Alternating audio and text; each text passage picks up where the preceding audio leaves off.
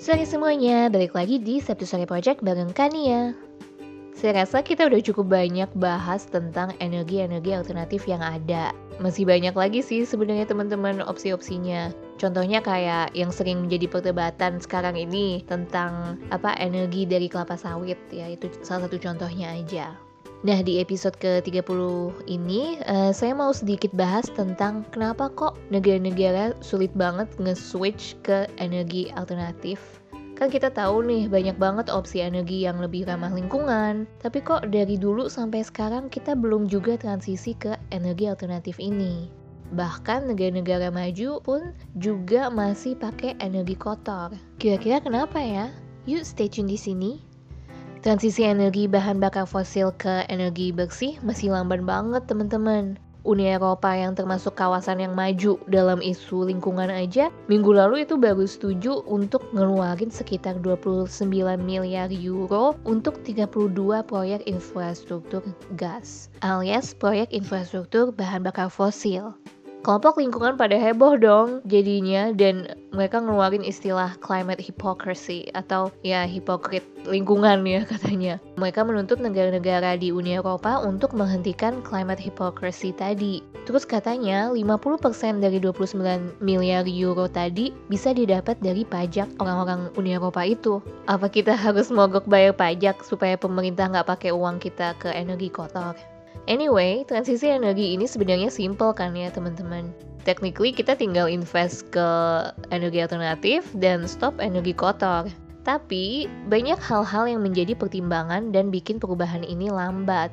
Semua ini ada kaitannya dengan yang namanya energy security atau ketahanan energi. Apaan lagi sih kan banyak banget istilahnya. Don't worry, I'll keep it simple kok. Ketahanan energi ini artinya adanya ketersediaan energi yang dapat diakses dan dapat dibeli oleh masyarakat. Sebuah negara harus mastiin ketahanan energinya. Bahkan katanya semakin suatu negara itu mandiri dalam mastiin ketahanan energinya, semakin kuat negara tersebut. In other words, kalau Indonesia bisa menyediakan energi murah ke masyarakat dari sumber daya yang ada di dalam negeri, dan nggak bergantung sama impor energi dari negara lain, Indonesia akan menjadi negara yang kuat. Kenapa? Karena energi ini kan katanya penggerak ekonomi, ya kan? Supaya ekonomi tumbuh, kita butuh energi. Jadi kalau energinya murah dan nggak dari negara lain, ya ekonominya akan tumbuh dan berjalan dengan lebih baik. Katanya sih gitu. Nah, ini yang bikin semuanya jadi complicated. Di satu sisi, negara harus menjamin energi murah ke masyarakat. Di sisi lain, negara juga harus menjaga lingkungan. Seperti yang kita tahu, energi alternatif itu biayanya kan mahal ya. Otomatis nanti harganya juga mahal. Jadi masyarakat nggak dapat akses ke energi yang murah. Sedangkan kalau pakai energi dari bahan bakar fosil itu lebih murah dan cadangan di Indonesia cukup banyak ya, apalagi batu bara. Terus harus gimana dong? Seperti yang saya bahas sedikit di beberapa episode sebelum ini, ada beberapa ekonom yang bilang kalau lebih baik itu investasi ke proyek energi bersih sekarang. Walaupun ya harganya kan mahal ya, tapi lebih baik sekarang dibandingkan tetap investasi di proyek energi kotor, tapi climate change ini semakin cepat terjadinya. Karena kalau climate change nggak diatasi, bakal ada perubahan cuaca yang ekstrim, juga ya ujung-ujungnya ke bencana alam. Dan jika terjadi ya costnya akan lebih gede dibanding kayak investasi ke renewable energy tadi. Intinya sih lebih baik ngutamain kepentingan lingkungannya dulu, baru kepentingan manusia. Karena kalau lingkungan tempat tinggal kita nggak kondusif, ya kita juga kan ya yang nanti kena. So ya masalahnya ya sebenarnya ini ujung-ujungnya soal duit lagi. Kalau dilihat dari segi sejarah, sejak tahun 1970-an, orang-orang itu udah mulai mempertanyakan soal energi fosil. Eh, karena terjadi yang namanya oil shocks atau krisis minyak atau kekurangan minyak ya pada saat itu dan juga ada kecelakaan pembangkit listrik tenaga nuklir di Chernobyl, Ukraina Sejak saat itu, masyarakat juga menuntut adanya perubahan, dan pembuat kebijakan dan bisnis juga pada mulai mencari solusi ya dari krisis energi tersebut. Pemerintah-pemerintah pada investasi ke penelitian untuk teknologi dan renewable energy. Ininya sih mereka mulai mencari opsi lain dari energi kotor. Nah, 50 tahun setelah itu atau sekarang, teknologi-teknologinya udah cukup banyak ya, tapi masih mahal juga. Dan belum ada perubahan yang signifikan dari energi kotor ke energi bersih. Gila nggak tuh teman-teman? Penelitian dan kekhawatiran tentang isu energi ini udah hampir lebih dari 50 tahun.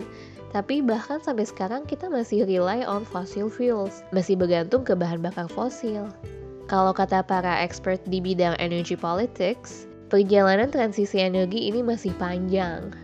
Salah satu tantangan utamanya adalah persoalan konflik geopolitik atau ya konflik kepentingan antar negara. Sedih juga sih denger ini, tapi ya kita harus tetap optimis ya.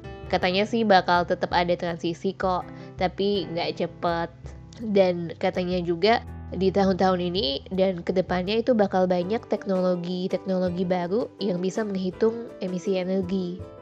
Terus, tuntutan masyarakat dan konsumen terhadap energi bersih juga akan terus meningkat ya. Kan semakin banyak nih teman-teman kita yang sadar tentang ini dan kita banyak yang menyuarakan kan, apalagi pasukannya Greta Thunberg ya, anak-anak pun ikutan. Dan ya harapannya sih ini akan bikin harga energi alternatif itu lebih murah, uh, jadi kita bisa punya akses ke situ. So ya gitu teman-teman seputar persoalan antara ketahanan energi dan climate change. Sayangnya prosesnya masih panjang, tapi kita harus uh, terus demand for clean energy. Uh, lebih keren lagi kalau kita pakai energi alternatif di rumah. Kemarin ada teman saya yang komen kalau mau pasang panel surya di rumah sendiri itu budgetnya sekitar 80 juta. Bagi teman-teman yang nggak sabar sama pemerintah, ya bisa invest dari sekarang berarti ya. Uh, soalnya kalau semakin banyak yang pakai panel surya misalnya, ya harganya kan nanti akan turun juga. Uh, jadi makin banyak masyarakat yang punya akses terhadap energi tersebut. Anyway, ya harus nabung dulu sih. Coba kalau pemerintah nyari investor untuk energi bersih, terus ngasih subsidi energi bersih untuk kita-kita. Mimpi kali ya. Oke, okay, uh, eh, cukup dulu untuk episode kali ini. Thank you for listening this week. Jangan lupa follow kita di Spotify ya di @sabtu_story_project dan juga di Instagram di @sabtu.story.project. Uh, makasih lagi. See you next week di Sabtu Story Project.